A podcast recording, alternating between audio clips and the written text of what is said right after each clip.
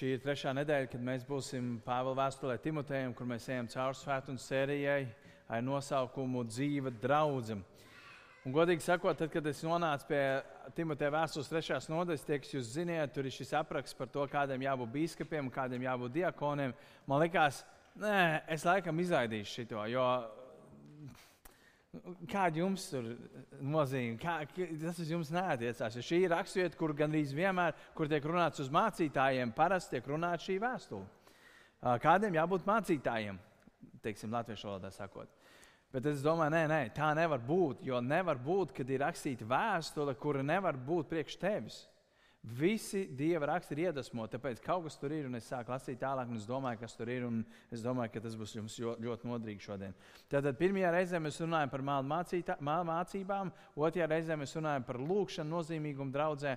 Un tagad mēs būsim atpakaļ pie māla mācībām. Mēs pieskarsimies ļoti daudz, jo īstenībā māla skolotāja mācības iet cauri visai šai vēsturei. To ļoti svarīgi saprast. Kādiem ir jābūt draudzes vadītājiem? Kāpēc draudzes parastiem cilvēkam parastiem tas tā jocīgi skan, bet tā, tā vienkārši ir parasts cilvēks. Ah, tas esmu es, laikam. Kā parastam svētdienas nācējam, šī vēstule var būt noderīga un kāpēc to ir svarīgi zināt. Kāpēc Pāvils tik ļoti uzsvēra raksturu iezīmes šiem cilvēkiem? Un kas var notikt, ja tu nepievērsi uzmanību un viegliprātīgi klausies katru, kas pagadās, vai tas būtu internetā vai kaut kur citur klātienē? Jo, ziniet, tie, kas no jums esat cēluši māju, ja tu ieliksi pamatus šķībus, visa māja būs šķība. Ja tu ieliksi pamatus nepareizi, tad visa māja vēlāk aizies bojā. Varbūt ne uzreiz, varbūt ne pirmajā gadā, bet pēc dažiem gadiem tu ieraudzīsi, un tu sāks parādīties plājas, un domās, kā viņas novērst, un tu mēģināsi viņus aizspērēt ciet ar špakteli, bet tu saproti problēmu pamatos. Un ļoti līdzīgi var notikt arī garīgajā ziņā. Ir tāds teiciens, ka kopējs maksā divreiz. Tāpat ir arī ticības dzīve. Nepareiza mācība tev var maksāt daudz vairāk nekā, ja no sākuma tiek ielikts pareizais pamats. Un pēdējos laikos, kā jau teicu, pieaug šo mālu mācītāju un mālu mācību skaits. Tāpēc kā lai jūs zinat, kurš ir kurš? Tas ir labais vai sliktais? Tas ir labais, tas ir sliktais. Kā lai mēs zinām? Bet to mēs runājam pirmajā reizē, bet es parādīšu, kāpēc īstenībā to ļoti svarīgi priekš šīs reizes. Un tā iemesla dēļ top šis apraksts, kā atpazīt maldu mācību, iepratīm mal, veselīgai mācībai, bet vēl vairāk kā atpazīt maldu mācītāju, iepratīm veselīgam mācītājam. Un šoreiz mēs turpināsim no trešās nodaļas, kur runa ies par to, kādiem ir jābūt draudzes vadītājiem. Un šeit atkal ir ļoti svarīgi saprast kontekstu. Iedomājieties, kā lasa normāls kristietis Bībeli. Viņš parasti lasa laba, labs kristietis. Viņš lasa vienu nodaļu dienā. Vairāk viņš nevar, jo viņam nav laika. Protams, cits sāk ar pantiņu dienā, tas būtu ar vienu teikumu dienā, bet normāls kristietis šodien man jālasa otrā nodaļa. Viņš lasa otro nodaļu. Nākamā dienā, ja viss ir kārtībā, viņš atkal atgriežas, viņš turpina lasīt tur, kur viņš vakar palika. Tad ir trešo nodaļu. Un viņš sāk lasīt trešo nodaļu. Ja jūs bieži vien lasīsiet nodaļu, tur ir salikta virsraksts. Un tev liekas, o, oh, jauns stāsts sākās, jauns, jauna doma sākās. Bet bieži vien tā doma tiek attīstīta, ko viņš bija teicis jau iepriekšējās nodaļās. Un tikai lasot visu vēstuli kontekstā kopā, un es jums ļoti silti iesaku, tad, kad tu lasi Bībeli, īpaši mazās vēstules, kā Galatieši, Efezieši, Timoteja, Thesaloņķieši, Ebreji, Jākaba, Ebreji varbūt bija garāk, bet Jākaba un, un, un Pētera un Jāņa, izlasi kādu reizi dzīvē vienu, kā sāks pie pirmās nodaļas, tā pabeidz piektajā vai sestajā nodaļā. Tu ieraudzīsi to vēstuli pilnīgi citā gaismā. Tāpēc, ka tu ieraudzīsi, kā tās lietas ir sasaistītas. Tas vienkārši tā zināšanai.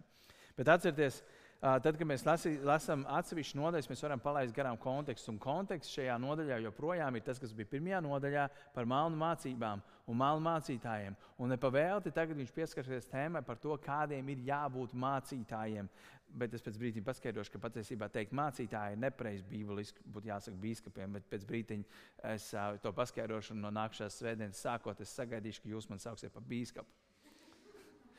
Cilvēks smējās, tāpēc, ka viņš zina, ka tas man nav raksturīgi. Es parasti saku, sauciet man vienkārši vārdā. Bet tehniski jums vajadzētu man saukt par biskupu, nevis par mācītāju, bet par to pēc brīdiņa. Tātad, kā mēs varam saprast, kurš tad ir īstais gans, a kurš ir vilks? Trēpēs, āvi drēbēs. Kā tu to vari saprast?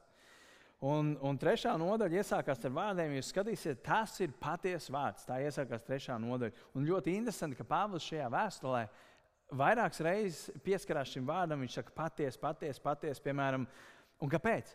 Tāpēc, ka visu laiku ir šī cīņa starp melnu mācību un starp patieso mācību. Starp melnu mācītājiem un starp patiesiem mācītājiem. Un viņiem visu laiku jāpaskaidro, tas ir patiesa, tas ir patiesa, tā ir patiesība. Pirmajā nodaļā viņš teica, tas ir patiesa un pilnā mērā atzīstams vārds, ka Jēzus nācis grāmatā grēcinieks. Ja? Tas ir patiesa vārds. Pēc tam otrajā nodaļā viņš teica, lai visi cilvēki nāk pie patiesības apziņas. Un tad ja, Pāvils teica, es jums saku patiesību, es nemaloju, es esmu iecelts par mācītāju pagāniem ticībā un patiesībā. Mēs visi caur ieraugam šo vārdu patiesību. Un tad mēs nonākam līdz šai trešajai nodaļai, un tad ir atkal šī patiesība.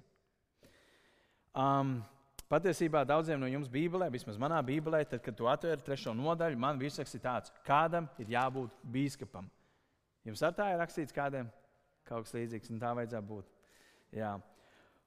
Nu, un no 8. panta līdz 13. pantam, ne, bet 15. Nu, tur, jā, 13. pantam ir rakstīts cits nosaukums, kādam ir jābūt diakoniem. Kādiem ir jābūt diakoniem? Un tad, kad mēs lasām šo vēstuli, normāls, normāls standarta kristietis, ah, šis ir mācītājiem, šī var izlaist, tas nav uz mani, ah, tas uz diakoniem, tas uz mani neatiecās, es eju tālāk. Nav jēga laiku, jo tas neatiecas uz mani. Tā bieži vien mēs lasām Bībeli. Un tāpēc, ka es neesmu diakons, es neesmu biskups. Un tāpēc es šodien izskaidrošu jums šo raksturvietu, un es ļoti ceru, ka no šodienas jūs šo raksturvietu lasīsiet biežāk, un īpaši attiecināsiet viņu arī uz sevi. Ne tikai uz sevi, uz sevi, uz mācītājiem tā tālāk. Izlasīsim vienkārši kopā pirmos septiņus pāntus. Viņi nebūs tagad uz ekrāniem, jo mēs iesim pēc tam cauri katram uh, pa kārtē, bet te ir rakstīts tā. Tas ir patiesa vārds. Ja kas tiecas pēc bīskapa amata, paskaidrošu latviešu tulkojumā, latviešu valodā, ja kas grib būt par mācītāju, tas ir tas, kas tur rakstīts. Viņš iekāro teicamu darbu. Bīskapam pienāks būt nepaļamam, vienas sievas vīram, sātīgam, prātīgam, godīgam, viesmīlīgam, izveicīgam mācīšanā. Es piebildīšu tie, kas jūs lasat jauno tulkojumu, jums ir pilnīgi citu vārdu rakstīt. Ne dzērājam, ne kauslim, bet lēnīgam, ne ķildīgam, ne mankārīgam. Baigais saraksts mācītājiem. Tādam, kas labi valda savu nāmu, kas bērns ir paklausībām, pilnā godībā Bet, ja kas neprot valdīt savu pašu namu, kā tas gādās par dievu draugu? Ne jaunatgrieztam, lai viņš neuzpūstos un neiekristu vēlnu tiesā, bet viņam vajag arī būt labā slavā pie tiem, kas ir ārpusē, lai viņš neiekrist neslavā un vēlna valgā. Okay. Sāksim ar pašu sākumu. Te ir rakstīts, kas iekāro bīskapa pamatu.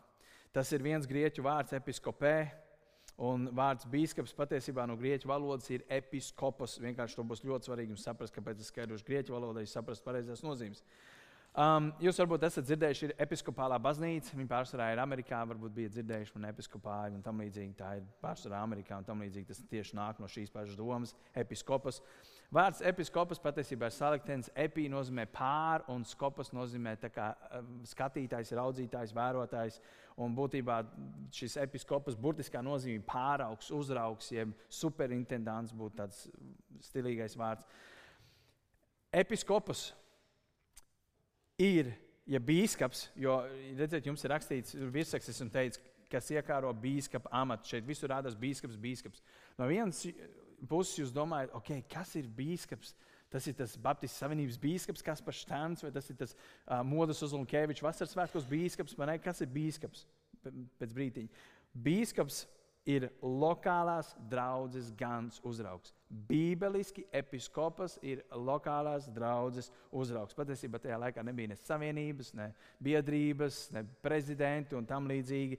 Un apstuļi nekad netiks saukt par episkopas, jo viņi nebija lokālās draudzes uzraugi, jeb gani. Viņi bija tur apstuļi vai kā savādāk. Un jaunajā darbā, ja mēs skatāmies, bija daudzi episkopas, katrā draudzē vairāk episkopas. Otrs grieķu vārds, kas apzīmē arī tos pašus mācītājus, ir presbiteros. Vienkārši tos gribu, jūs zināt, esat dzirdējuši presbiteri, ne presbiteriāņi, tam līdzīgi. Tas atkal nāk no grieķu valodas, vienkārši šie vārdi. Un, un, un tas tiek tulkots tieši tas pats draudzes vecais pārsvarā. Presbiteros tiek tulkots kā draudzes vecais. Bet tas ir tas pats gans. Un jaunajā derībā, kā jau teicu, bija vairāk. Un es jums parādīšu to, kā presbiteros un episkopas ir viens un tas pats, un kāpēc to ļoti svarīgi saprast. To es pēc brīdiņa redzēsiet, kad mēs nonāksim līdz tam. Um, jo vienkārši ir ļoti grūti šo, šo mācīt, tāpēc, ka mums ir nepareiza sapratne par lietām. Līdz ar to tas viss ir jānograuj, jāuzsver kaut kas jauns, lai mēs vispār varētu pieiet pie pareizās mācības. Atcerieties, mēs iesākām ar to, ka Pāvils šo, um, tad šī vēstule tiek rakstīta Timotejam, kurš atrodas Efesas draudzē. Efesas draugs Pāvils, kad pēdējo reizi tikās apakstu darbos, uz ekrāniem būs apakšā darba 20. nodaļa. 17. pāntā rakstīts, Pāvils, tā, kad viņš atradās Milētās, viņš sūtīja uz Efezu, lai attaicina draugus vecais. Un tur ir pasvītrots vārds presbiteroj.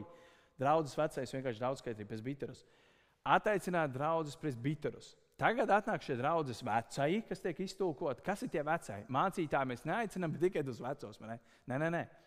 Tie bija tie mācītāji, presbiteroji. Un tagad, kad viņš runā uz viņiem, 28. pāntā ir rakstīts, tāpēc sargai paši sevi un visu ganāmo pulku, kurā svētais gars jūs ir iecēlis par sargiem, bet tur ir lietots grieķu vārds episkopos, ganīja dievu draugu.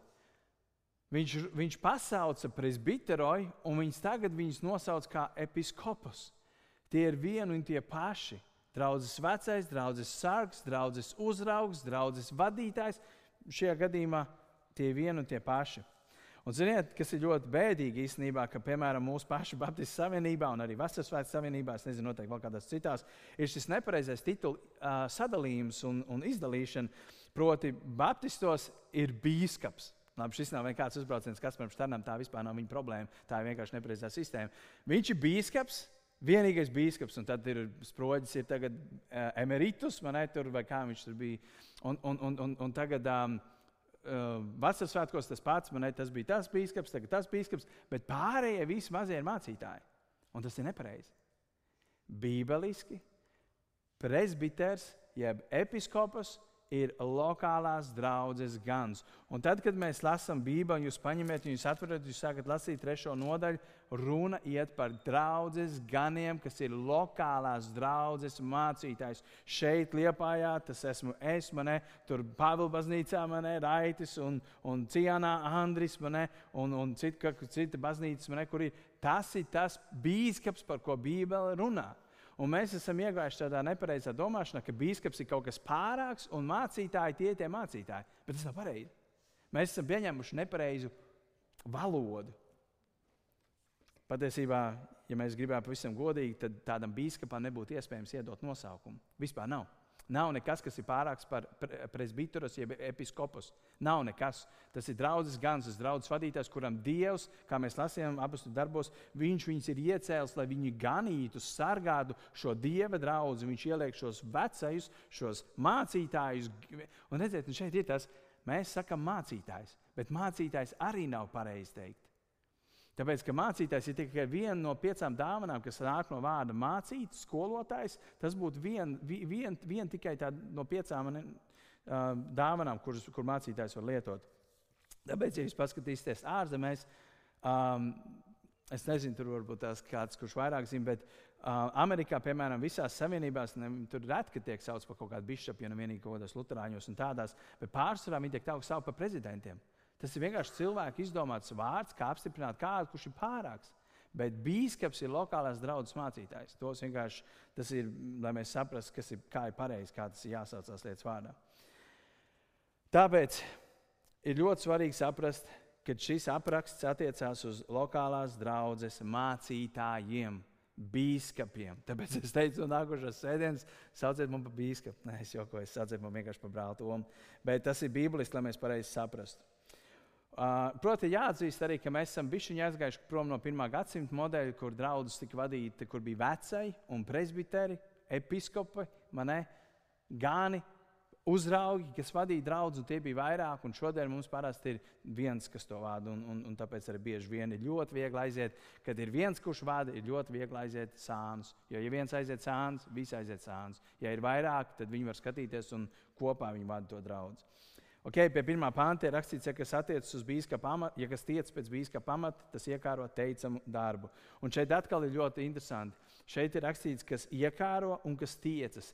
Tie abi vārdi latviešu valodā ir tādi sajūta, ka kāds, kurš nu, iekāro, man ir, tu gribi kaut ko sasniegt, tu tiecies.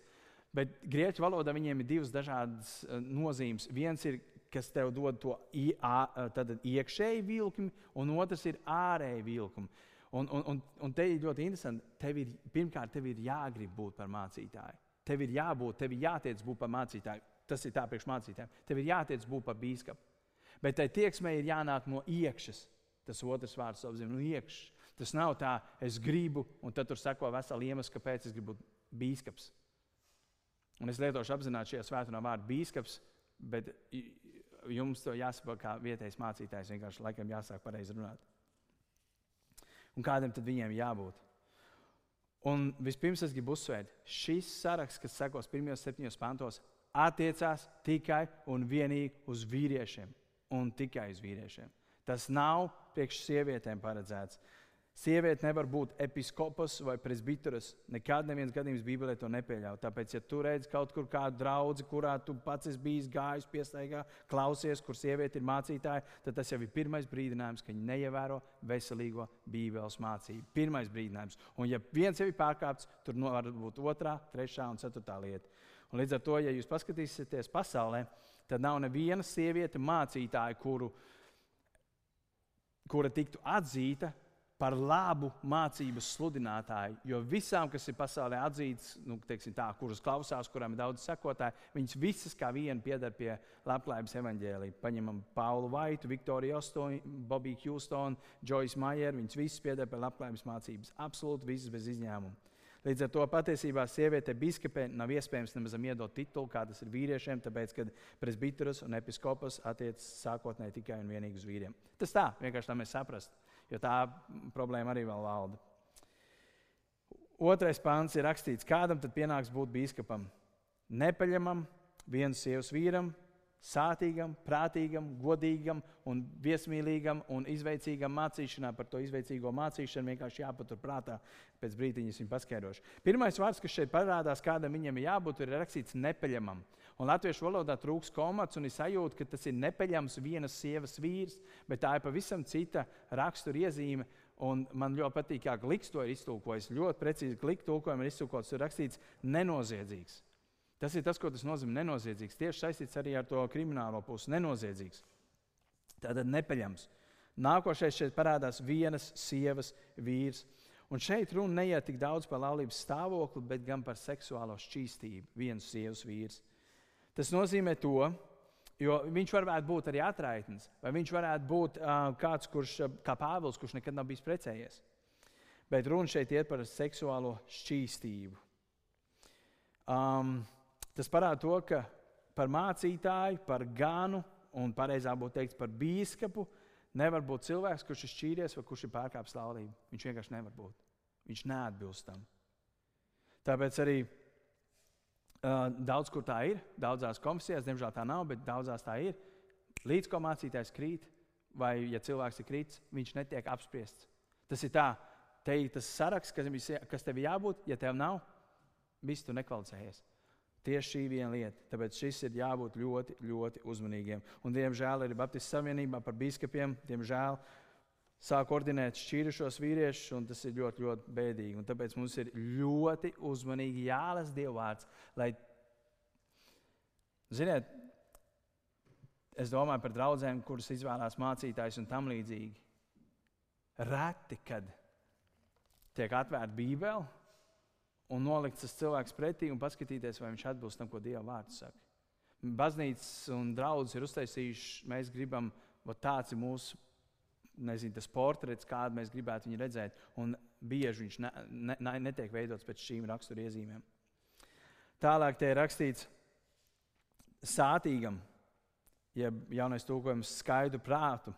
Burtiskais tulkojums nozīmē bez vīna, bet tas nenozīmē, šajā vietā runa iet par alkoholu, tāpēc, kad alkohols būs pēc brīdiņa, šeit tas iet um, skaidrā prātā, gatavībā, modrs. Bīskapam jāspēj domāt modri. Bīskaps, lokālais draugs mācītājs.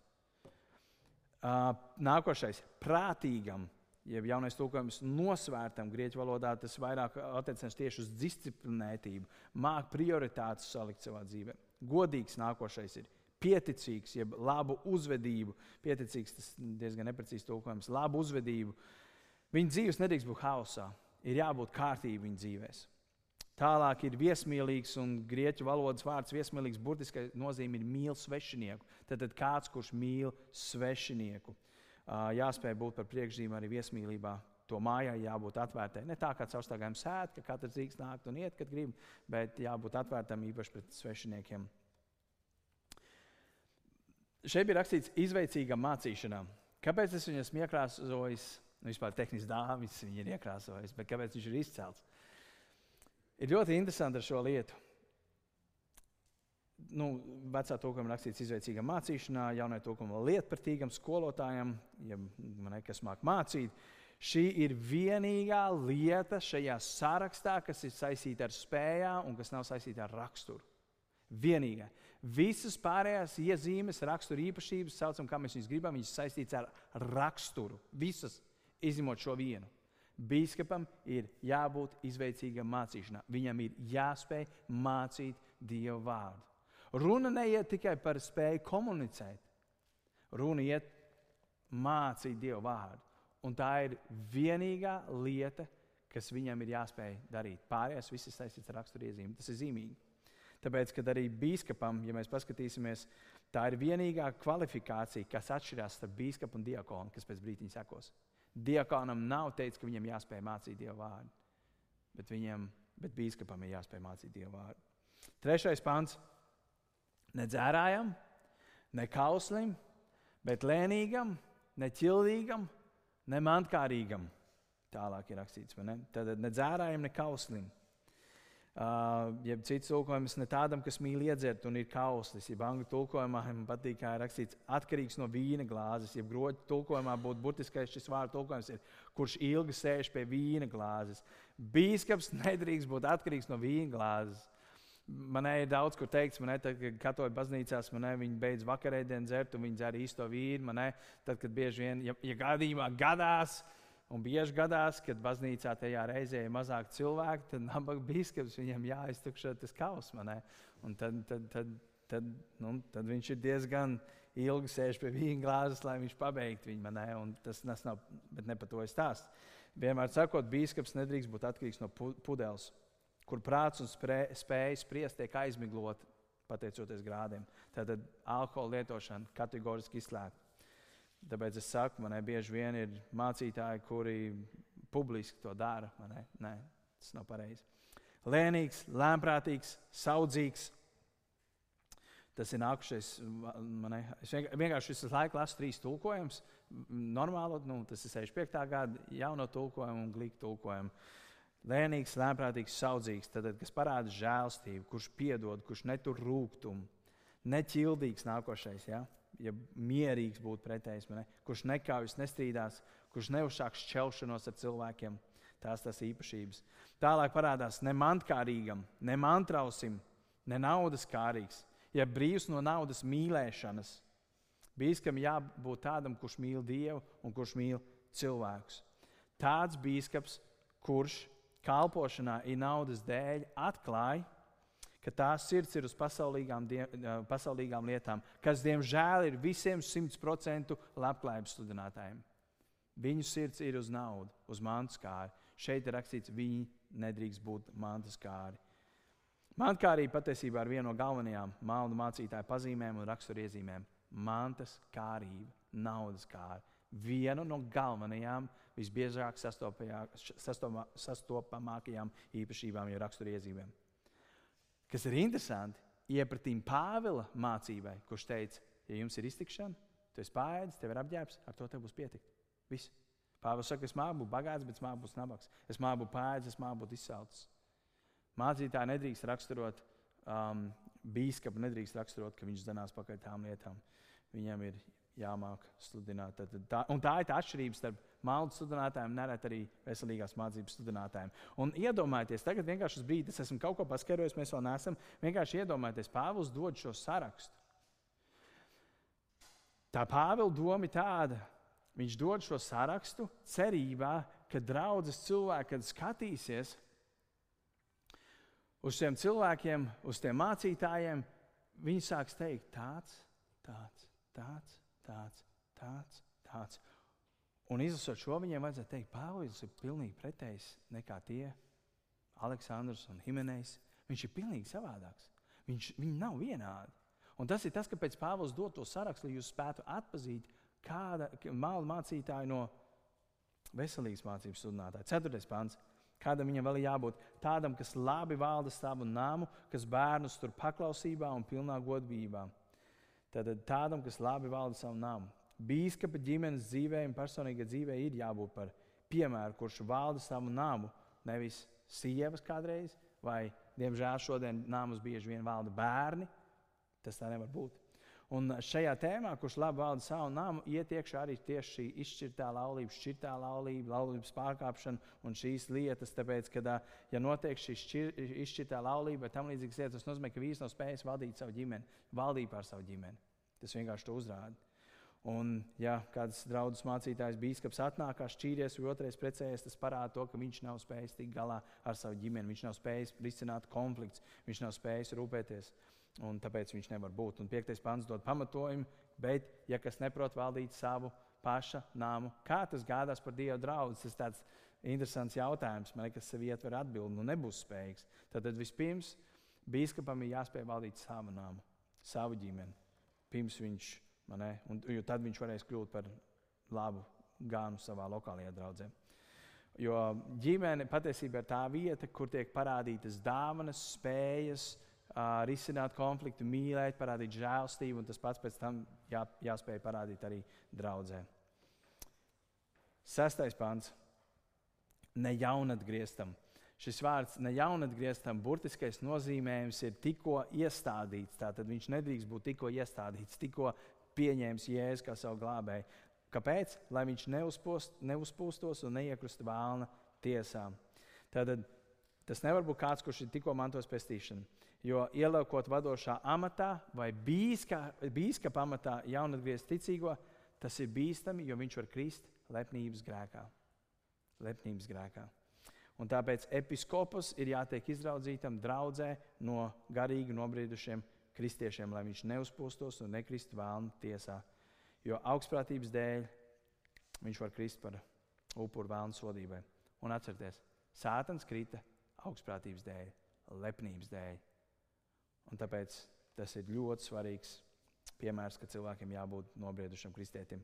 Un pēdējais, septītais, bet viņam vajag arī būt labā slavā pie tiem, kas ir ārpus draudzes, lai viņš neiekrist neslavā un vēlna valgā. Tad tas vienkārši parāda to, ka tas biskupam ir jābūt attiecībās ar tiem, kas Dievu nepazīst, labā slavā, lai viņš spētu viņiem arī liecināt. Jo, ja tu neesi labā slavā un labās attiecībās ar tiem, kas ir ārpusē, kā tu viņiem pastāstīsi par Dievu? Viņi tevi neklausīsies, jo tu neesi labā slavā, tu neesi cienīts. Un tāpēc ļoti, ļoti svarīgi šīs lietas ievērot. Tagad mēs esam izlasījuši, kādam ir jābūt lokālās draudzes biskupam. Un iespējams, kādam jums ir garlaicīgi, jo liekas, nu, kā, nu, kā, nu, tam viss ok nu, tu mums patīc. Un... Mēs jau neiesim tur spriest, kāds ir tam līdzīgs. Un, nu, nu, mums ir ok, palielinām, pasies kā citiem līdz ar to. Ko tur daudz? Nu, ir ok, man ne, ko es tur daudz. Bet kāpēc to ir svarīgi zināt?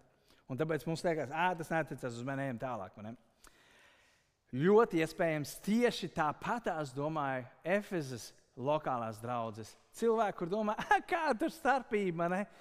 nu, viņi grib kalpot, nu, dedzīgs brālis, mīļš brālis, nu, lai taču nāk, lai taču kalpo. Un viņi nepiemē, nepievērs uzmanību šīm īpašībām, kā rezultātā viņi nonāca pie tā, ka iebrukuši bija plēsīgi vilki, un viņi nezina, kur viņi radās.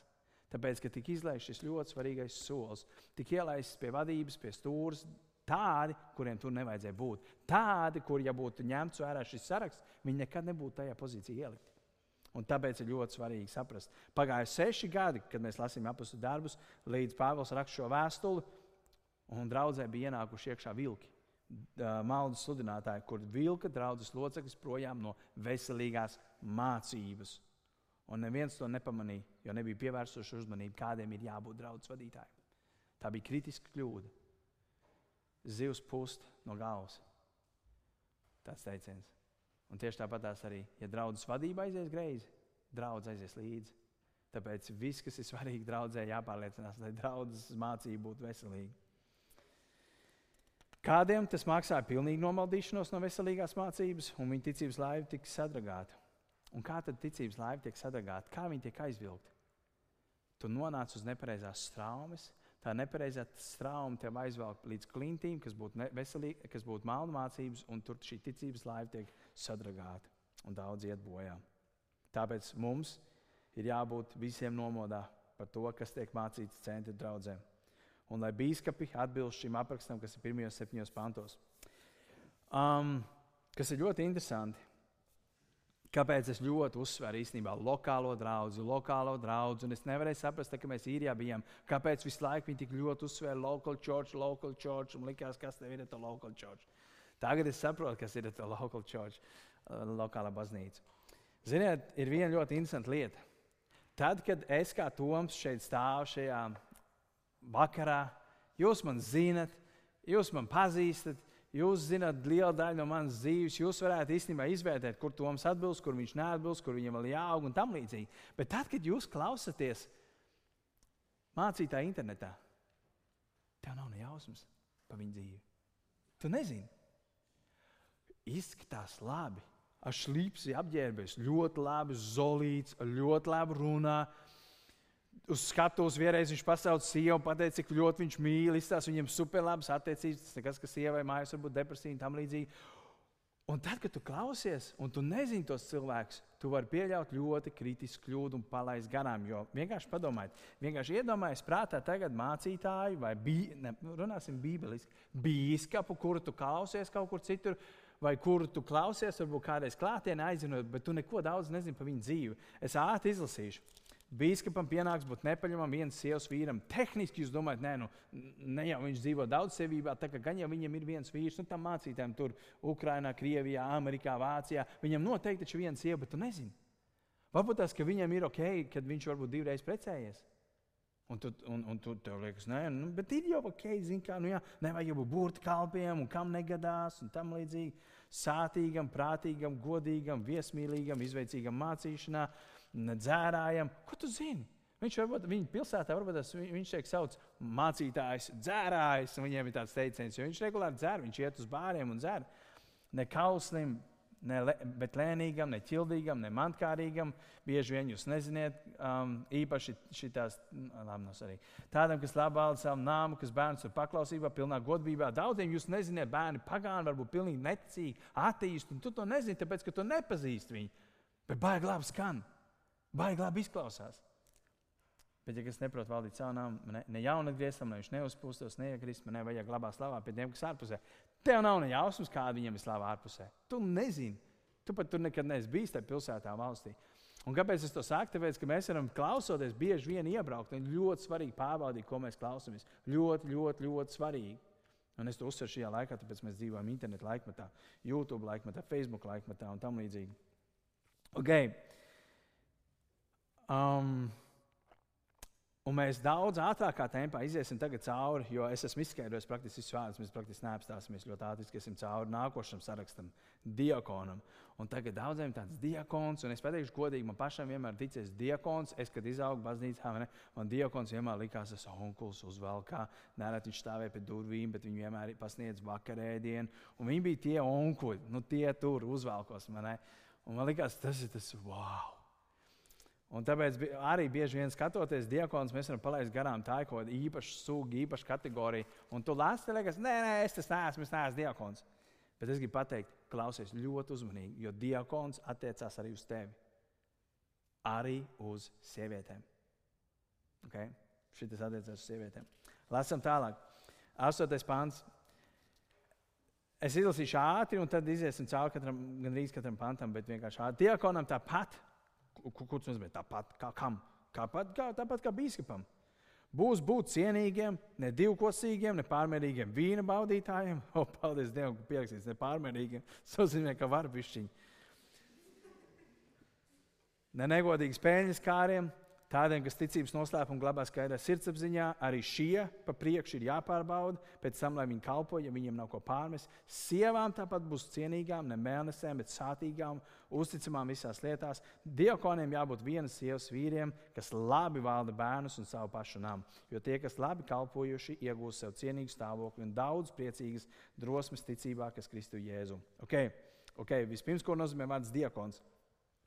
Burtiskais vārdu tulkojums šim, šim vārdam ir kalps, kalpotājs, jeb kalpot.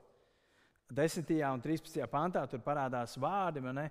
viņš pa priekšu jāpārbauda, un tad, lai viņš kalpo, grieķu vārds diokanē, uh, nu, cits saka, saka tāpat galotnes tur nobeidzās, tur neiešu laust mēlu. Jo tie, kas labi kalpojuši, diokanē atkal, ne, iegūst cienīgu stāvokli, un diokoniem diokonos. Uh, tad tas nozīmē, diokanē nozīmē kalpot. Un kristiešu draudzēs diakonas iegūta tāda tehniskā nozīme, kas nozīmē diakons, diakons, kalpotājs.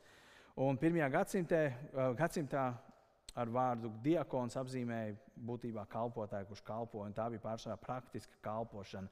Diakons vienmēr kalpoja zem lokālās draudzes biskupa. Tad biskups bija tas, kurš darīja to garīgo darbu. Un to mēs ļoti labi ieraugām apakšu darbos, tad, kad visi mācītāji, biskupi, apstuļi bija aizņemti. Viņi kalpoja tur šajos mīlestības mīlestos un, un devēst un tam līdzīgi. Viņi kalpoja visu. Viņi saprata, viņi ir noskrējušies, viņiem nav bijis laika dievu pielūgt, viņiem nav bijis laika dievu vārdu mācīt. Un tāpēc viņi iecēla diakonos, kuri darīja to praktisko darbu, lai episkopas un apostolos un uh, presbiteros, lai viņi varētu nodarboties ar garīgo darbu. Viena atbrīvoja otrs, bet viņi strādāja kopā. Tad diakoni strādā zem biskupa. Un Bībelē gan nav, nav dot nekāda konkrēta norādījuma, ko tieši viņš darīja. Tas bija jebkāda veida darbs, ne, ko, ko, jebkāda veida kalpošana. Okay, kādam tad viņiem bija jābūt cienīgiem? Tas pats, kas biskupam, cienīgs. Ne divkosīgs, tas būtu divjāds mēls vai aprunātājs. Tātad nepārmērīgiem vīri baudītājiem nedrīkst nodoties dzeršanai. Ne negodīgs peļņas, kā negodīgi mans raušana. Nerad diakoni bija tie, kuriem bija naudas maisma, ne, ja tā var teikt. Viņi gāja un izdalīja naudu tiem, kuriem vajadzēja nopirkt kādas lietas, tieši praktiskā kalpošana. Tāpēc bija ļoti svarīgi, ka viņi nebija, kur zaktu naudu. Uh, Tādiem, kas ticības noslēpumu glabā skaidrā sirdsapziņā, tas nozīmē būtībā spēt atšķirt šo veselīgo mācību no maldības, spēt atšķirt Jēzus evaņģēli no citiem evaņģēliem, kuriem ir šī skaidrā ticības noslēpums, tas ir evaņģēlijs. Noslēpums ir kaut kas, kas bija paslēpts, apslēpts, bet kaut kad ir darīts zināms. Un tas bija tas, kad evaņģēlijs nebija zināms, bet viņš tikai vēlāk tika darīts zināms, un tagad tas tāpēc viņš tiek saukts tā. Desmitajā pāntā rakstīts, viņi jāpārbauda, ja nav ko pārmest, tad lai viņi kalpo. Citiem vārdiem sakot, vai viņš kalpojot spēja prezentēt šo raksturu, cienīgs, ne divkosīgs. Ne pārmērīgs vīrs, dzērājs. Ne? Viņš atnāk uz baznīcu, kalpot rītdien, piemēram, ne, bet trešdien un pilnīgā piedzēries. Ne? Nu, nē, tāds nevar būt diakonus. Um, 11. pāntu mēs izlaidīsim, tāpēc, ka mēs pie viņa atgriezīsimies. Sievietēm viņām vajag īpašu pieeju. 12. pāns. Diokoniem jābūt vienas sievas vīriem, kas labi valda savus bērnus un savu pašu namu. Tas pats, kas biskupam, neko jau neteikšu. Jāspēj valdīt ar savus namus diokoniem. Kādam, nu jā, 13. pāns. Jo tie, kas labi kalpojuši, iegūst sev cienīgu stāvokli un daudz priecīgas drosmes ticībā, kas Kristī Jēzu. Citiem kādiem vārdiem sakot, 13. pāns saka tā, tie, kas kalpo, tie tiek svētīti. Tava ticība pieaug, tava paļāvība uz jēzus pieaug. Un daudzi no jums man esat teikuši, tad, kad jūs esat kalpojuši, jūs esat teikuši to, tā ir tāda svētība. Uh, kad es kalpoju, kā, man liekas, ka es esmu tas, kurš dod, bet es tik daudz saņemu apakaļ. Tā ir tāda svētība, kas var kalpot. Un tas parāda, tas ir tas, par ko iet runa. Ne? Tu saņem daudzas priecīgas drosmes ticībā, kas Kristu Jēzu, ja tu esi labi kalpojis. Ok, 11. pāns. Sievām tāpat būs būt cienīgām, ne mēnesēm, ne, bet, bet sātīgām, uzticamām visām lietām. Šī ir ļoti diskutabla raksturvieta. Tāpēc, ka nevar saprast, ko nozīmē šis vārds sievām. Vai tas vārds sievām attiecās uz biskupa sievām, vai tas vārds attiecās uz sievām kā sievietēm, diakonesēm? Uz ko tas attiecās? Un lielākā daļa pētnieku, Bībeles skaidrotāji viennozīmīgi saka, ka nebūtu loģiski, ka diakoniem tiek paskaidrots, ka diakonu sievām jābūt tādām, biskupiem nekas netiek paskaidrots. Biskups sievas var uzvesties kā grib, diakonu sievām jābūt kārtībā, man tā nav. Visticamāk, tur ir domāts sievietes kalpotājs, diakonis, jo Bībele runā par sievietēm, diakoniem. Viņām tāpat tās būs. Tad šeit runa iet par tām sievām, kuras kļūs par diakoniem, kuras arī kalpo zem lokālā draudzes biskupa kā diakonis, kalpotājas, kā jau teicu, tas vārds diakonē burtiski nozīmē kalpo. Un man īstenībā fascinē, piemēram, es runāju ar metodisko baznīcu, manē, un es prasīju, kā jūs varat attaisnot sievietes mācītājus, un viņas lieto, nu, kā tur Lūkas evaņģijā rakstīts, ka sievietes diakonē. Un tāpēc mēs varam būt mācītājs. Man liekas, nopietni tas ir reāli praktisks darbības vārds, kas nozīmē kalpot. Vienkārši kalpot. Tas nedod nekādas iespējas sievietēm būt mācītājiem. Bet ja mēs saprotam, ka sievietes ir diakons, tad kādām viņām ir jābūt cienīgas. Tāpat kā biskupam, tāpat kā diakonam, tāpat tās sievām pienākās būt cienīgām. Otrs vārds ir ļoti interesants vārds. Viņš tiek iztūkots 65. gadā ne mēnesis, tas neko daudz ko nesaka, nesaka šī gadsimta cilvēkam. Otra jaunā tulkojumā neslavas cēlājs, bet tur ir lietots viens ļoti baisa grieķu vārds - diabolos. Džavl. Dzirdējāt, viņi dzirdēja. Džavl, sātans. Um, šis vārds Bībelē ir 38 reizes, un 35 no reizēm viņš tiek iztulkots kā sātans. Tad, tad sievietes nedrīkst būt sātans. Tas būtu burtiskais tulkojums. Vēl tikai divās citās vietās, Timotejam, Tita vēstulē, kur arī tiek apraksts dot, tur tiek rakstīts, ka viņi nedrīkst būt aprunātāji. Un tāpēc te ir rakstīts, man te ir paņemta būtībā sātans, bet tā doma ir tāda, Pāvils nedomāja, ka sievietes nedrīkst būt sātans, ka būtu tikai ļoti loģiski. Bet kas bija sātans? Viņš bija brāļa apsūdzētājs, aprunātājs. Un tāpēc bija ļoti svarīgi, ka uh, šīs diakons nav tās, kas aprunā, kas ceļu neslavu. Tālāk, sātīgām, atturīgām, tad atturīgas, skaidrā prātā atkal man ne, gan par alkoholu, gan vispār. Uzticamām visās lietās. Un tā ir ļoti svarīga īpašība visiem kalpotājiem, gan dzīvē, gan kalpošanā. Tā tad es ļoti ātri izskaitu cauri šim sarakstam, un ko es jums šodien caur šo visu tekstu gribēju pateikt, un kas ir mana galvenā doma. Daži ir aicināti būt par biskupiem, bet visi ir aicināti būt par diakoniem. Katrs ir aicināts būt par diakonu. Kā minimums censties atbilst šim raksturojumam, lai tu varētu kvalificēties būt par diakonu. Nevis tā, nu, paņemšu, piemēram, Dāvidu. Dāvids atbrauc no Amerikas, man ir tam līdzīgi. Un Dārvids varētu tagad domāt par sevi, es negribu būt nemaz, es, nu, es, es, piemēram, es negribu būt bīskaps, es negribu būt diakons. Līdz ar to es esmu brīvs nepildīt, kas te ir rakstīts. Es vienkārši nu, neatbilstīšu tam sarakstam. Bet patiesībā tam ir jābūt izaicinājumam priekš katra vīra un katras sievas darīt visu, cik no tavas puses ir iespējams, lai tu kļūtu par atbilstošu šai kalpošanai. Lai bīskaps paskatoties uz tevi varētu pagaid, pagaid, pagaid, izlasīt 1. Timoteja 3. nodaļu, no 8. līdz 13. pantam, teikt, zini, man liekas, ka tu atbilsti. Man liekas, reāli, ka tu tam atbilsti un uzticēt kalpošanu. Bet mēs esam tik tālu aizgājuši projām, arī mēs, kā draugi, mēs esam tik tālu aizgājuši prom no bībliskiem principiem, ka mēs sakām, mums vajadzīgi svētdienas skolotāji, piemēram. Un katrs, kurš atsaucās, mēs esam reāli priecīgi, un mēs pat negājam cauri skatīties, vai tu atbilst vai neatbilst. Mēs vienkārši saprotam, ka okay, mums vienkārši vajag kalpoties un nāc un kalpo. Un tas ir tas, manai, kur varbūt tās, kāpēc mēs bieži vien esam tur, kur mēs esam. Un mums visiem jācenšas iet atpakaļ uz to, ko Bībelē māca. Un tas, ko es gribu, lai jūs saprotat, ka Dieva prāts priekš katra ticīgā, lai tu atbilst šim sarakstam, lai tu censtos būt cienīgs, nemēlnesīgs un, un visas pārējās īpašības, kas te bija pieminētas, ir raksturiezīmes. Tāpēc es gribu, lai tu šodien atceries divas lietas. Pirmkārt, tev ir jāspēj noteikt mācību un mācības skolotāju, skatoties uz viņa raksturu un viņa dzīvi. Nepavēlts šis saraksts mums ir iedots, lai mēs spētu atšķirt balto no melnā, maldu sludinātāju no patiesā sludinātāja. Jo tādā veidā tu pasargās sevi, savu ticību un savu tuvinieku ticību. Bet lai nebūtu tā, un šis ir otrs grāvs, ka tu kļūsi kā tiesnesis no malas, kurš tiesā, mm, tas mācītājs atbilst, tas biskups atbilst, tas neatbilst, un tu pats esi mēlnesis un divkosīgs un mantrausis un vēl nezinu kāds. Bet tu tikai skaties uz citiem. Un otrkārt, kas tev jāatcerās, ka tev pašam jātiec atbilst šim raksturojumam. Kā minimums, kas atbilst diakoniem, gan sievietēm, gan vīriešiem. Un ar savu dzīvi jādara viss, lai tu atbilst šim raksturojumam. Un lai tu kļūtu par aktīvu daļu no draudzes, kur tu nevis tikai čeko, vai mēs atbilstam, neatbilstam, bet ka tu esi daļa no tā, kad mēs atbilstam. Kad paskatoties uz tavu dzīvi, tu vari pateikt, tā, Nā, es, mēs latvieši esam tādi, mēs nekad neteiksim, es esmu pilnīgi perfekts un man nav nekādas problēmas, un es noteikti atbilstu tam sarakstam. Mēs nekad tā neteiksim, mēs esam latvieši. Bet, lai citu uz mālu paskatoties, varētu pateikt, jā, viņš atbilst šim raksturojumam.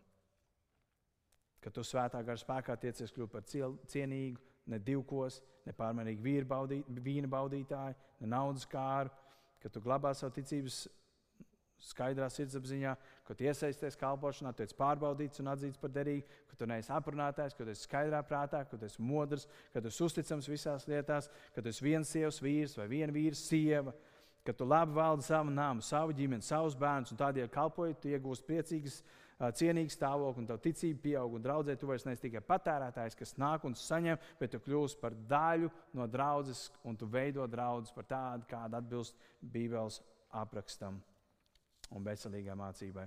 Tātad daži ir aicināti būt par biskupiem. Tas esmu es, un varbūt vēl kādi. Bet visi ir aicināti būt par diakoniem.